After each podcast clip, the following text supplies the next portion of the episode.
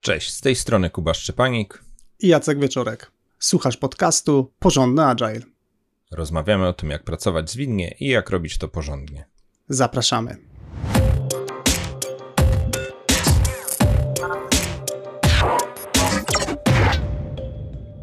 W dzisiejszym odcinku porozmawiamy o najczęstszych problemach zespołów skramowych. Zastanowiliśmy się z Kubą, z jakimi problemami najczęściej spotykamy się w praktyce pracy konsultanckiej, zebraliśmy te problemy i przygotowaliśmy dla Was rozwiązania.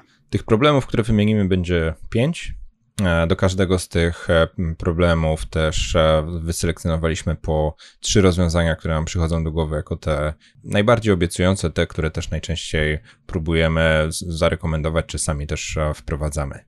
I przechodząc od razu do rzeczy, bo odcinek będzie e, tłusty od e, różnych e, możliwych rozwiązań, to przejdźmy do pierwszego problemu. Pierwszy problem, który spotykają zespoły skramowe, to to, że obiecują terminy, których potem nie dotrzymują. E, mam tu na myśli taką sytuację, że zespół sobie planuje pracę, planuje pewien zakres pracy na sprint, może też planuje pracę e, na jakiś dłuższy horyzont czasowy, na przykład kilka sprintów, jakieś wdrożenie projektu czy kolejnej wersji produktu i te terminy okazują się być e, niedotrzymywane. I pierwsze rozwiązanie możliwe na taką sytuację, brzmieć może ono banalnie, ale problem z takim dotrzymywaniem terminów wynika z tego, że w wielu zespołach spotykam to, że nie ma żadnego planu. Więc pierwsza porada, przygotuj plan pracy w zespole. Planowanie sprintu to nie tylko ustalenie celu sprintu, to nie tylko ustalenie zakresu prac, które będą realizowane, ale to też przygotowanie sobie pewnego pomysłu na to, jak będziemy pracować w sprincie, e, kto co zrobi, jak to się będzie układało czasowo, czy są jakieś zależności między zadaniami, ale też zależności między osobami w zespole. No i to wszystko może rzutować na to, że już w zasadzie, gdy przysiądziemy do takiego planu pracy, zobaczymy, że albo pewne rzeczy są niewykonalne, bo na przykład za dużo jest zależności, albo jedna osoba jest zbyt przeciążona, na przykład e, tester w końcówce sprintu, ale też e, może się okazać, że e, będziemy wyczuleni właśnie na jakieś takie kryty krytyczne momenty, czy takie bardzo newralgiczne momenty w sprincie, czy nawet w sekcji, czy, czy, czy grupie kilku sprintów, które nas doprowadzą do pewnego większego projektu. Czyli podsumowując tą poradę, przygotujmy zespołem plan pracy, zwizualizujmy sobie, poukładajmy sobie to, jak chcemy tą pracę wykonać, tak żeby albo wyłapać, że będziemy obiecywać nierealistycznie termin, w sensie jak tylko do tego przysiedliśmy, to już widzimy, że nie, ma, nie mamy szans, lub żeby też być wyczulonym na takie jakieś e, trudne momenty w e, pracy zespołu, które mogą stawiać pod znakiem zapytania realność e, zrealizowania pewnego terminu, pewnych prac.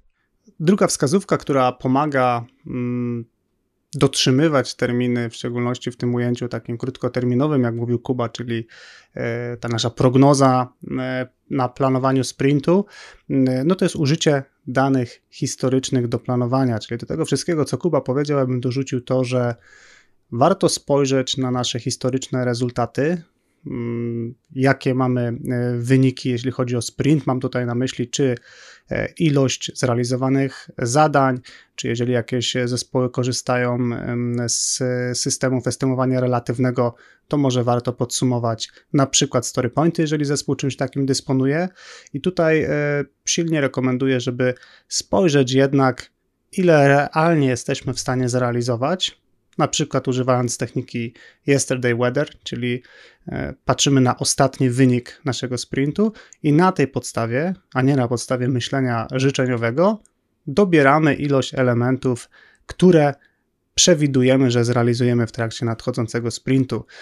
Mówiąc o tej poradzie, mam takie podobne poczucie jak Kuba przed chwilą, że jest to taki no, absolutny banał.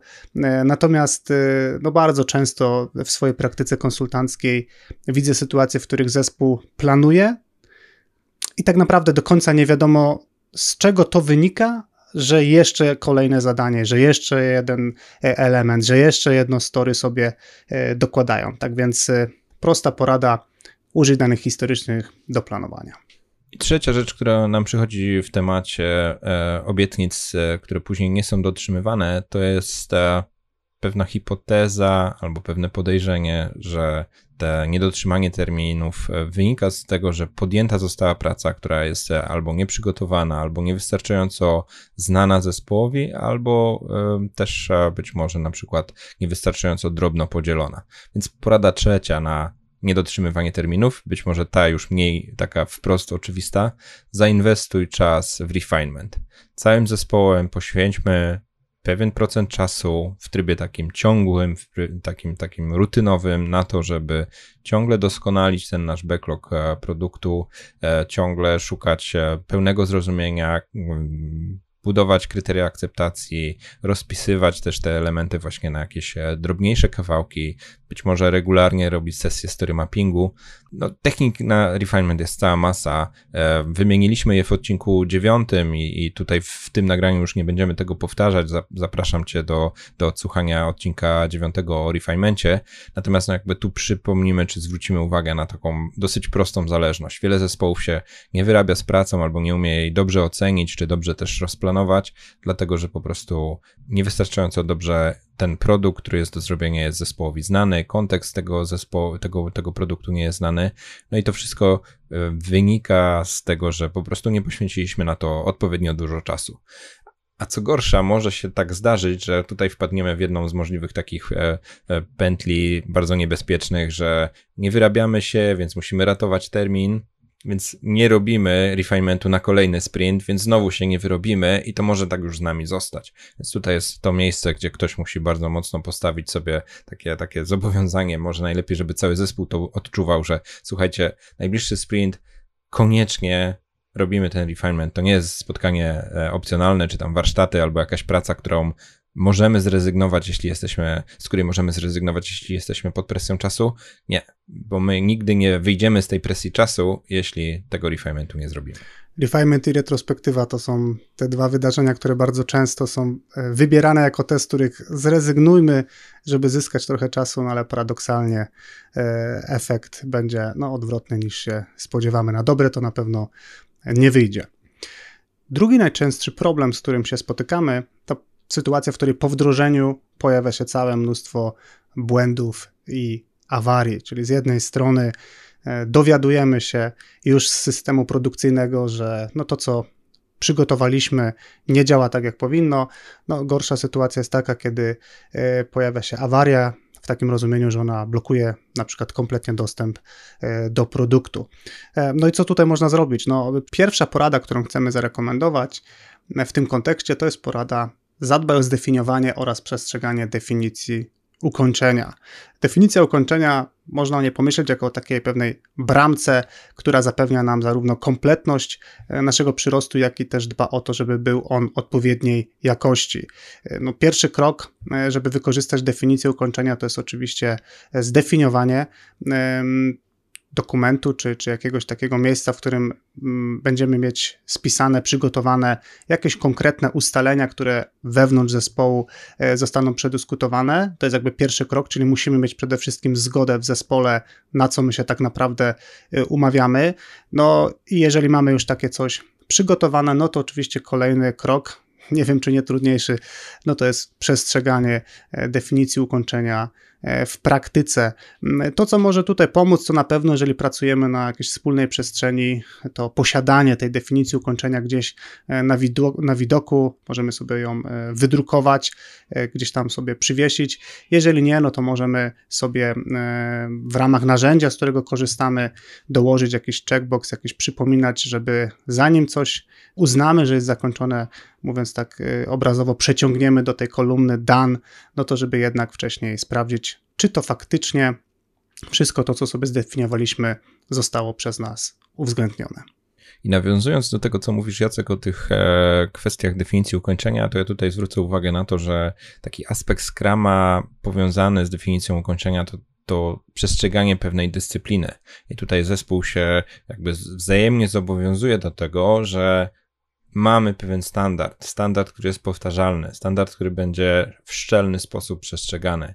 I wielokrotnie widzę, że takim proszeniem się o kłopoty jest właśnie przymykanie oko, jakieś takie odpuszczanie sobie, e, na przykład e, odpuszczenie sobie poprawienia błędów, odpuszczenie sobie zrobienia dobrych testów, e, czy nawet jakieś rzeczy takich bardzo porządkowych, związanych ze środowiskami, z dokumentacją i to się wszystko później strasznie mści. Mści się, gdy trzeba naprawić, ale nawet nawet tu też na pewno jest zależność między tym, że robimy tą jakość tak trochę umownie i ona nam trochę umownie wychodzi i niestety się te jakby błędy piętrzą, awarie sprawiają, że też e, mamy jakieś stresujące sytuacje e, zaraz po wdrożeniu czy w kolejnych e, sprintach. Więc tutaj całym zespołem zgódźmy się na zdyscyplinowane przestrzeganie tej definicji ukończenia. Druga rada, która jest związana z jakością, mniej może taka organizacyjna czy porządkowa, bo DOD jest taką jednak umową zespołu, to jest też ta strona do zrobienia po prostu techniczna, praktyczna, korzystanie z konkretnych praktyk, zwinnych praktyk e, programistycznych. I co tutaj mamy na myśli, Jacek? Tak, generalnie może słowo jeszcze wprowadzenia. Jest sporo praktyk takich, nazwijmy to procesowych, które bardzo łatwo zaobserwować, e, czyli przykładowo praktyka codziennego stand-upu, czy praktyka posiadania e, osoby, takiej, która reprezentuje potrzeby klienta w Scrumie, to mm, mówimy tutaj o odpowiedzialności product ownera. Natomiast e, jest cała masa również takich praktyk, które nazwałbym praktykami czy technicznymi, czy praktykami programistycznymi, czyli takie, takie praktyki jak na przykład automatyzowanie pracy, czy takie rzeczy jak częste mm, tworzenie buildów, czyli budowanie kodu, e, integrowanie e, różnych fragmentów wytworzonych przez różne osoby bądź zespoły w jedną całość i upewnianie się jak najwcześniej, że to wszystko działa tak, jak sobie przewidzieliśmy, czy ciągła integracja, refaktoryzacja kodu. Jest sporo pojęć i sporo praktyk, a już w ogóle cała masa literatury, jak zrobić to dobrze, i zwracamy na ten punkt szczególną uwagę, obserwując pewien taki trend, że e, jest spore zachłyśnięcie skramem, zwinnością ogólnie w organizacjach, e, natomiast trudno oczekiwać, że e, te, na przykład ten konkretny framework da nam wartość, jeżeli pod spodem będziemy wytwarzać oprogramowanie czy produkty cyfrowe, e, że tak powiem, po staremu, nie wykorzystując tych narzędzi, które akcelerują i wzmacniają e, taką procesową e, zwinność. Tak więc zdecydowanie, jeżeli w Twojej organizacji widzisz braki w tym obszarze, to jest to temat, który na pewno warto się zainteresować warto się też zainteresować tym, zwłaszcza jeśli takie braki widzisz e, w sobie, bo też wiemy, ja też jestem na przykład osobą e, bez backgroundu technicznego, no i to wtedy Niektórzy traktują jako coś, e, co stoi obok Scrama, nie poruszamy tego tematu, nie, nie, jakby nie, nie rozmawiamy o tym i nagle się okazuje, że e, te aspekty jakościowe w naszym zespole są niewystarczająco dobrze poruszone. Nie trzeba na tym się znać na wylot, nie trzeba osobiście umieć to wprowadzić w swoim zespole, ale w szczególności zwracajmy na to uwagę, zadajmy pytania, spróbujmy to zrozumieć lub poszukajmy w organizacji kogoś, kto może nam w tym pomóc, żeby takie aspekty były zauważalne, promowane, dzielona wiedza na ten temat. Trzecia porada, którą e, dla Ciebie mamy, to porada, która brzmi: wdrażaj częściej mniejsze kawałki produktu. Generalnie jest tak, że e, im większy kawałek kodu, czy im większy kawałek produktu chcemy udostępnić naszym użytkownikom, no tym generalnie jest większa szansa, że zabraknie nam czasu, żeby przetestować e, całość, czy przeoczymy jakiś element czy kawałek e, produktu. Dlatego dobrą praktyką jest dzielenie sobie pracy na, na małe kawałki. To powoduje, że jesteśmy w stanie szybciej wyprodukować zmianę, jesteśmy w stanie tą zmianę szybciej przetestować, bo jest ona mniej złożona. E, jeżeli mamy jakiś proces e, w stylu code review, czyli ktoś inny niż my patrzy na nasz e, kawałek kodu, żeby dać do niego informację zwrotną, to to też szybciej taką recenzję dostaniemy, no bo do obejrzenia jest na przykład, nie wiem, 25 linijek kodu, a nie 1000. No i tak samo z jakimiś e, testami automatycznymi, czy też z dalszym procesem wdrażania na produkcję. Im ta zmiana jest mniejsza, tym ten czas do informacji zwrotnej jest krótszy, całe przetwarzanie takiej zmiany e, trwa krócej. no i na wcześniejszym etapie jesteśmy w stanie odkryć, że jakieś tam obszary naszego produktu są na niedostatecznie dobrym poziomie jakościowym. Tak więc dzielenie na mniejsze kawałki jest to zdecydowanie praktyka, którą mocno rekomendujemy. Trzeci problem, jaki chcemy e, zaatakować w tym, tym odcinku, to efekty pracy zespołu są rozczarowujące. Mamy tu na myśli taką sytuację bardziej biznesową, czy tą perspektywę produktu. Zespół pracował, pracował, pracował, wdrożył i nie ma rezultatów, nie ma spodziewanych wyników biznesowych. Użytkownicy wcale nie są zachwyceni, biznes wcale nie dostał tej wartości, na którą czekał. No, mm, obietnica dużej wartości dodanej okazuje się być e, nieprawdziwa. I tutaj kilka rozwiązań na taką sytuację, która niestety bywa też częsta. Pierwsze z nich to zapewnienie kontekstu biznesowego w zespole. Jeśli jest tak, że zespół e, zrealizował jakieś rozwiązanie, które okazuje się być e, niedopasowane, niewystarczająco dobre, być może ma jakieś luki albo jakieś takie ewidentne, e, ewidentne jakieś takie bym powiedział błędy, jeśli chodzi o pewne pomysły, to no, moją mocną hipotezą jest to, że zespół po prostu nie rozumie produktu, nie zna kontekstu, nie rozumie strategii, jaką wybieramy biznesowej czy, czy czy jakiejś marketingowej, e, te wszystkie kwestie prawdopodobnie spowodowały, że to rozwiązanie jest e, niewystarczająco dobre. Czyli tu zwłaszcza strona biznesowa, zwłaszcza interesariusze, zwłaszcza product owner, e, jeśli mamy jakichś ekspertów biznesowych w zespole, to również od takich osób oczekiwałbym, że będą propagować do wszystkich pozostałych członków zespołu skramowego informacje na temat tego, jaka jest wizja produktu, jakieś e, konkretne potrzeby grupy docelowej, sama definicja tej grupy docelowej. E, więc tutaj wiele można zrobić, żeby cały zespół skramowy rozumiał kontekst tego, czym jest nasz produkt, kim jest nasz klient i czego też oczekuje organizacja, czy w którą stronę organizacja chce się przesunąć jeśli chodzi o tą definicję produktu. I w pewnym sensie pogłębieniem tego, mm, tej wskazówki, którą Kuba się przed chwilą podzielił, mm, jest taka mm, porada, żeby zmniejszyć odległość zespołu od użytkownika końcowego i to jest myślę coś takiego dodatkowego, co możemy zrobić oprócz takiego nazwijmy to e, suchego kontekstu biznesowego, który dostarczamy w zespole. I tutaj mam swoje własne doświadczenia z pradawnych czasów, kiedy budowałem swój własny y, produkt, że mm, pomimo, że jest to takie początkowo niekomfortowe, no bo jednak y, pokazujemy to nasze, nasze dziecko i ktoś zaczyna y, obsługiwać nasz produkt, no i tam tu sobie mlaśnie, tutaj coś sobie chrząknie, tutaj mówi, ale zupełnie nie wiem, gdzie mam kliknąć i o co chodzi, a dlaczego to działa tak wolno i tak dalej. Więc jakby to może być początkowo takie niekomfortowe doznanie, jednak y, im więcej czasu spędzimy z taką osobą, tym lepiej zrozumiemy, jakie ta osoba ma potrzeby, jakie ma problemy i sporo też y, ciekawych informacji jesteśmy w stanie z takich y, spotkań z, z prawdziwym użytkownikiem produktu E, wyciągnąć.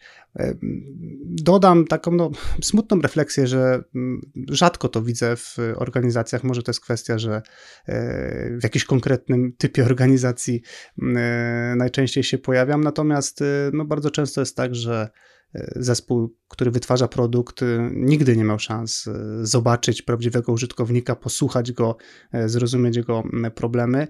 No a powiedziałbym, że jest to taka fundamentalna wartość, jeśli chodzi o podejście zwinne, żeby jednak tą odległość skracać. Tak więc zdecydowanie zachęcam Cię do poeksperymentowania z tą techniką i zastanowienia się, w jaki sposób można byłoby doprowadzić do tego, żeby zespół tą odległość do użytkownika końcowego zmniejszył. I trzecia porada w tej e, części odcinka to jest e, założenie, żeby robić małe eksperymenty i wyciągać e, na ich podstawie wnioski. Ten problem, który tutaj zdefiniowałem na początku tego akapitu, on często w swojej źródłowej jakby praprzyczynie tego, że rozczarowujące efekty są całej pracy zespołu jest to, że ta cała praca to jest właśnie coś wielkiego, coś dużego, duży projekt albo duże wdrożenie. Cały kwartał kminiliśmy, tam knuliśmy, jakoś szykowaliśmy się, po czym buch na rynek I rynek jednak nie zareagował, rynek jednak aż tak nie docenił tego, że się naprawdę mocno staraliśmy i naprawdę główkowaliśmy. Więc tutaj jest taka pułapka tego, że ten Scrum nie jest w taki porządny sposób wykorzystany, tak to nazwijmy trochę tutaj, powołując się na tytuł naszego podcastu.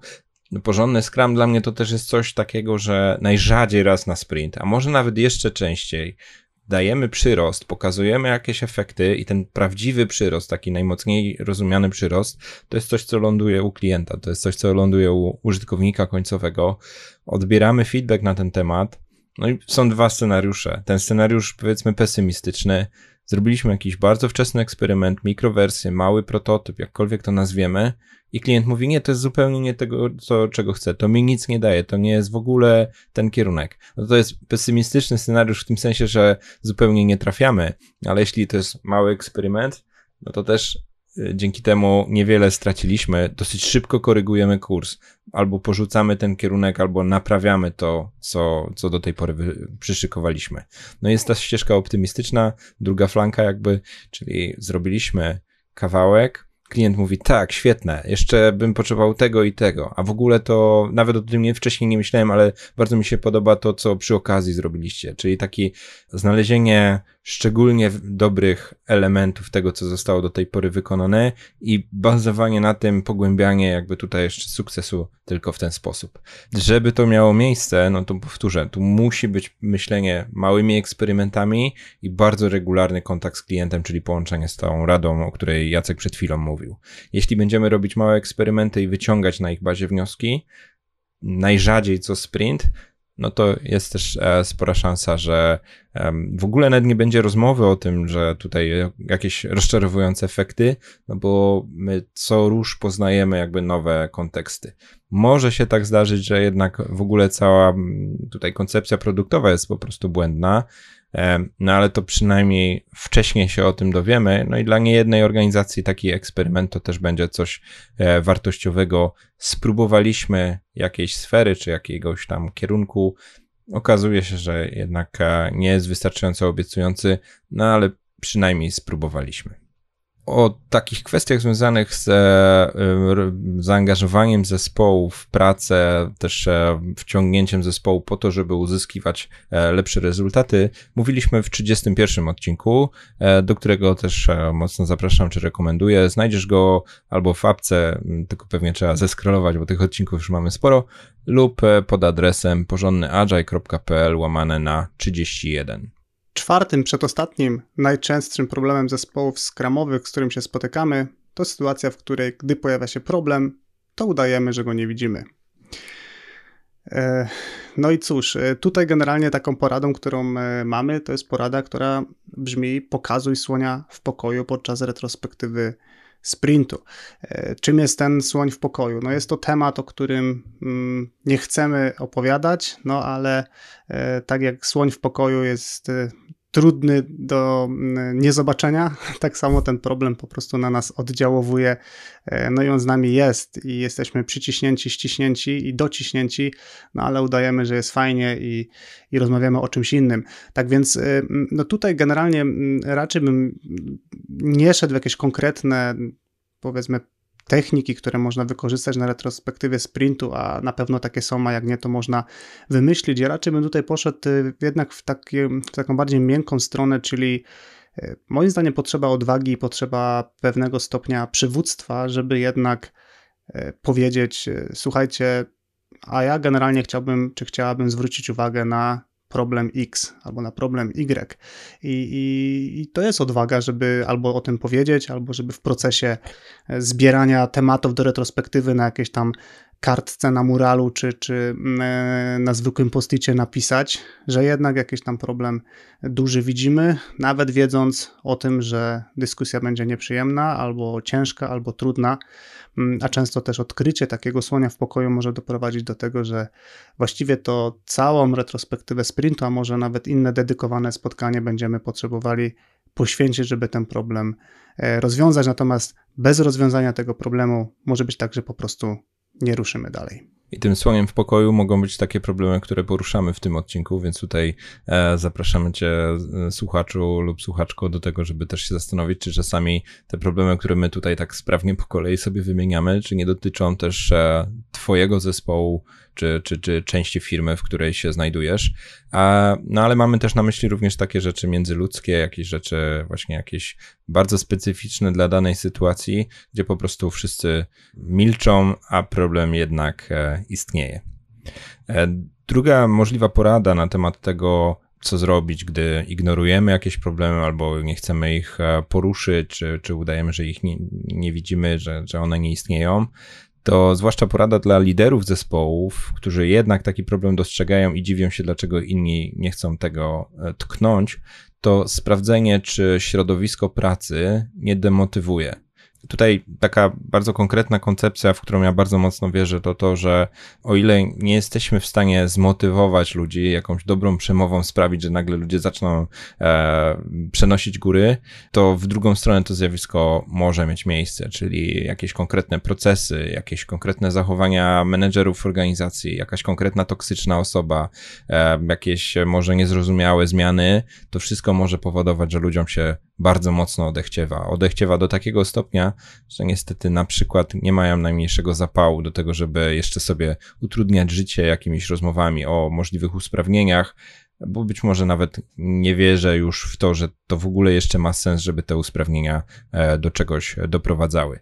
I to jest trochę paradoksalna porada w temacie jakby niedostrzegania problemów w swoim własnym zespole, ale e, zwłaszcza gdy pracuję z organizacjami, w których na przykład menedżer e, zaczyna tak powiedzmy utyskiwać na to, że zobacz, kurczę, tyle problemów, a, a oni o niczym nie wspominają, albo jak ja ich pytam, to mi nic nie mówią, mm, to dosyć szybko odwracam uwagę tej osoby na to, ile jest do zrobienia wokół tego zespołu, e, bo ja tu bardzo mocno wierzę w to, że jeśli ten otoczenie będzie takie wspierające, czy takie powiedzmy przyjazne, pozytywne, no to, to, to ludzie jednak będą chcieli rozmawiać o takich rzeczach i, i, i te jakby poczucie zespołowości, poczucie realizacji celu też doprowadzi do tego, że rozmawiamy o trudniejszych rzeczach. Ale jeśli to środowisko pracy, właśnie tak jak już może się trochę powtarzam, demotywuje ludzi, no to nie spodziewajmy się, że nagle pomimo tej demotywacji będą jeszcze gotowi atakować jakieś e, trudne wątki w tym, jak współpracują czy jak pracują jako zespół. I obie te poprzednie porady, one mocno zachęcają do tego, żeby podejmować e, rozmowy i patrzeć i, i zarówno stronę zespołu, czy do wewnątrz zespołu, ale również też patrzeć na środowisko. I taką e, trzecią poradą, trochę zamykającą jest porada o tym, żeby skorzystać z technik prowadzenia trudnych rozmów. Czyli nie sztuką jest uruchomić taką e, rozmowę e, i doprowadzić do, do konfliktu, do wzajemnego obrażania się, do sytuacji, która spowoduje, że ludzie jeszcze bardziej się e, zamkną w sobie zamiast otworzyć. Sztuką jest poprowadzenie tego w ten sposób, żeby mimo wszystko pozostawić skupienie na problemie, in na rozwiązaniu, natomiast no, trochę mniej tam poszukiwać, e, kto, kto był winien i jaką karę powinien ponieść. Tak więc e, przykładowe techniki, które tutaj mam na myśli, to jest czy technika dawania w sposób taki ustrukturyzowany informacji zwrotnej, na przykład Foucault, czy generalnie cała taka, nazwijmy to, filozofia prowadzenia dialogu, który nie jest ofensywny, czyli NVC. I ostatni problem, który poruszymy w tym odcinku, to takie stwierdzenie: potrzebujemy robić wiele więcej niż obecnie robimy. I usłyszeć, usłyszeć to możemy od zarządzających organizacją, którzy mają mocarstwowe plany, tylko przepustowość ich zespołów nie jest taka, jaką by chcieli, e, to usłyszymy od na przykład product ownerów, którzy podobnie mają cały długi backlog produktu, a te kolejne sprinty nie są tak satysfakcjonujące, ale czasami nawet i sam zespół powie sobie między sobą, że kurczę, kurczę, chcielibyśmy robić więcej, ale z jakiegoś powodu to nam nie wychodzi. Jesteśmy w tym miejscu, e, gdzie jesteśmy. I tutaj pierwsza porada jest taka trochę paradoksalna, czy takim odwróceniem perspektywy. Wiele osób, gdy mówi w ten sposób, jak zarysowałem w tym wstępie do, do tego problemu, to myśli jednak o ilości pracy wykonanej. A moja rekomendacja to jest ta spójrz na wartość dodaną z pracy, a nie ilość pracy wykonanej, nie urobek. I to jest e, czasami taka bardzo wielka pułapka, że wiele osób patrzy na na przykład ilość feature'ów, ilość story pointów, e, jakichś kolejnych projektów, które są zrealizowane, a bardzo mało się rozmawia, jaka jest wartość tychże e, wykonanych działań. I nie sztuką jest, czy, czy jakby to, to, to jest ślepa uliczka, żeby myśleć o tym, żeby zwiększać e, w ciemno, w nieskończoność ilość wykonanej pracy, jeśli ta wykonana praca jest bezwartościowa albo jej wartość jest e, nikła. Więc tutaj e, coś, od czego trzeba zacząć, no to znalezienie takich jakichś mierników, może, może definicji tego, co tu jest wartością w naszym produkcie. I to nie zawsze będzie oczywiste, a później również rozpatrywanie czy kolejne wykonane kroki, kolejne działania, kolejne elementy backlogu produktu, które zostały skończone, dobrze wpływają na tą wartość dodaną, czy, czy, czy, czy te feature'y, czy te kawałki kolejnych elementów naszego produktu, który wykonaliśmy, czy one są korzystne dla naszego biznesu, cokolwiek e, tym naszym biznesem tutaj jest. I może się okazać, że gdy zaczniemy rozmawiać o tym, jakie są korzyści z naszej pracy, to, to, to, to jakby kierunkiem wcale nie będzie róbmy więcej story pointów, tylko selekcjonujmy lepszej jakości, czy bardziej obiecujące kawałki produktu. No i być może to nie ilość pracy, ale jej wartość jest to tym, co trzeba poprawić. Druga porada, która może mm, poprawić problem, że chcemy e, więcej niż jesteśmy obecnie w stanie dostarczyć, e, to porada, która zachęca do poszukiwania i likwidowania marnotrawstwa procesie pracy. E, czyli znów e, nie zachęcamy do tego, żeby szybciej e, uderzać w klawiaturę, a raczej znów taka trochę kontrporada na zasadzie spójrz na proces i zastanów się, czy na którymś z tych etapów jest, czy występuje marnotrawstwo. Przykład marnotrawstwa no to jest na przykład oczekiwanie, czyli co z tego, że naprodukujemy na przykład jakichś zmian backendowych, jeżeli te zmiany teraz będą leżeć i czekać, aż w kolejnym sprincie na przykład e, zostanie doprodukowany frontend do tego, e, albo sytuacja, w której produkujemy jakiś, jakiś kod, jakieś e, funkcje czy funkcjonalności i oczekujemy na przetestowanie, czy oczekujemy na code review, czy oczekujemy na cokolwiek innego.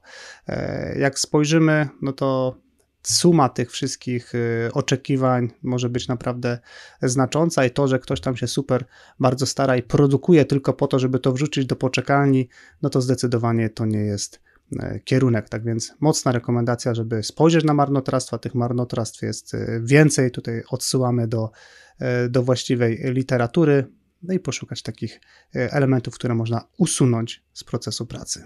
I ostatnia porada w temacie robienia wiele więcej niż obecnie robimy, to porada skup się całym zespołem na realizacji celu sprintu. Coś, co jest dla mnie niepokojącego w tego typu sytuacjach, to to, że dosyć często widuję fakt, że pomimo tego, że do zrobienia jest wiele więcej niż e, zespół jest w stanie zrobić, to co gorsza i tak kupę energii, czy spory procent czasu poszczególnych osób w zespole przekierowywane jest na rzeczy, które nie są istotne, które nie są celem danego sprintu, które są jakąś pracą taką poboczną. Jak już przy okazji robimy, to zróbmy jeszcze to. To jest jeden z przypadków, ale też e, mm, osobny aspekt związany z takim skupianiem się. E, zespół e, rozdziela swoją pracę na indywidualne kawałki. Różne osoby realizują jakieś małe cząsteczki, takie jakby kawałki puzzla gdzieś tam w separacji, niekoniecznie intensyfikując swoją pracę, niekoniecznie sobie wzajemnie pomagając, też e, bez przepływu energii, bez jakiegoś odblokowywania się, może też również do takiego dodatkowego nakręcania się do wykonywania pracy. No i to wszystko sprawia, że no, po pierwsze nie tworzymy zespołu, po drugie nie realizujemy tego, co jest e, naprawdę najważniejsze, no i też e, potencjalnie też no, rozwlekamy mocno swoją pracę. Więc tutaj takim sekretem, czy, czy, czy jedną z ważnych części Scrama to jest, e, no powiedzmy, to zobowiązanie do skupiania się na celu sprintu i faktycznie praca, faktyczna praca całym zespołem w stronę tego, żeby ten cel osiągać. E, osiągać, jak najczęściej korzystać z okazji do tego, żeby też pracować więcej niż jedną osobę, żeby się wymieniać tą wiedzą, żeby się właśnie nakręcać, wszystkie te rzeczy, które już wymieniłem. Rozmawialiśmy dzisiaj sporo o najczęstszych problemach zespołów skramowych. Jeżeli ten temat jest dla Ciebie interesujący, to chciałbym zaprosić Cię na warsztaty Labirynty Skrama 9-10 września w Warszawie. E, będą to warsztaty stacjonarne, więc będzie też to okazja, żeby spotkać się na żywo i porozmawiać, e, gdzie skupimy się na tym, jak radzić sobie z najpopularniejszymi problemami w skramie i przepracujemy to sobie grupowo. Do końca lipca cena o 20% niższa. Tak więc zachęcam do zapisywania się. Mam już pierwsze osoby na liście, tak więc zachęcam do e, przejścia na stronę labiryntyskrama.pl łamane na szkolenie, żeby zarezerwować sobie miejsce. Jak zwykle notatki do tego odcinka z, z, linkami do materiałów, które wspominamy, e, transkrypcją, zapisem wideo z sesji nagraniowej znajdziesz na stronie porządnyagile.pl łamane na 66. I to by było wszystko na dzisiaj. Dzięki Kuba. Dzięki Jacek. I do usłyszenia wkrótce.